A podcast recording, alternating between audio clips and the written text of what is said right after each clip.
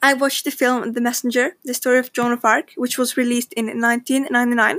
It's a French epic historical drama film directed and written by Luc Besson, although I do believe that Andrew Birkin helped him write it.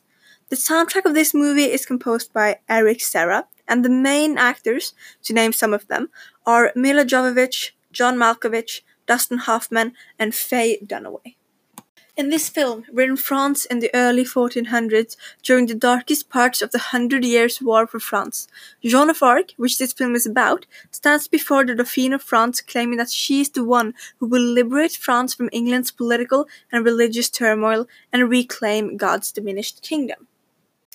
In this film, we do get to see some of Jean's childhood, but for the most part, she's about like 18, 19 years old when the main action takes place.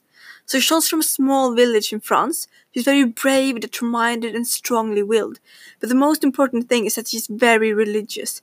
This plays a huge part in the movie, as her belief is what makes her do what she does.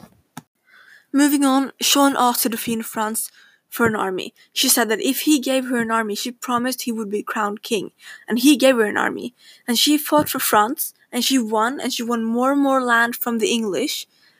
But her trail of victory didn't last forever. She was eventually captured and traded to the English, where she was placed before the court and forced to sign a plea of guilt.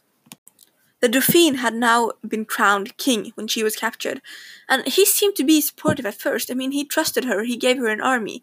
But now that he had the crown, he didn't care. They could do whatever they wanted to her, he didn't care.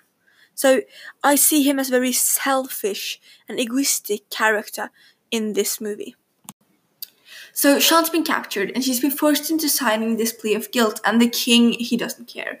So this is when another great character of the film comes in, and that's her conscience. Because her conscience in this film, it has its own character, and it's portrayed as an older, wise, but a bit scary man.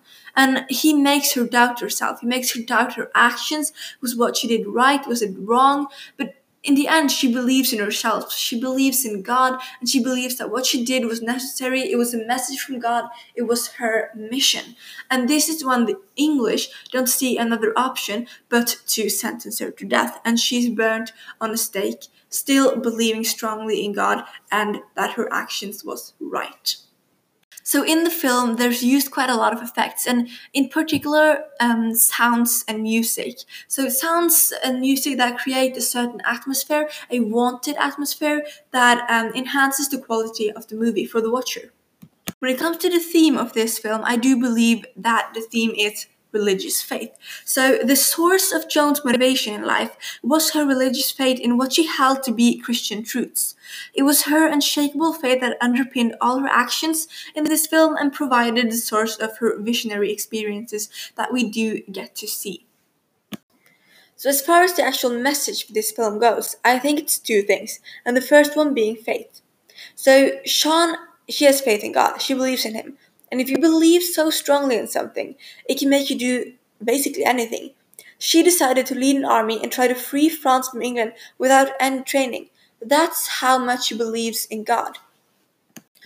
The other one being gender equality, and that we need gender equality to be the best version of our society and our world that we can be. So, a fact here is that Jean was actually not burned at the stake for killing anyone, which I don't believe she did, or leading an army against England, but for wearing men's clothing.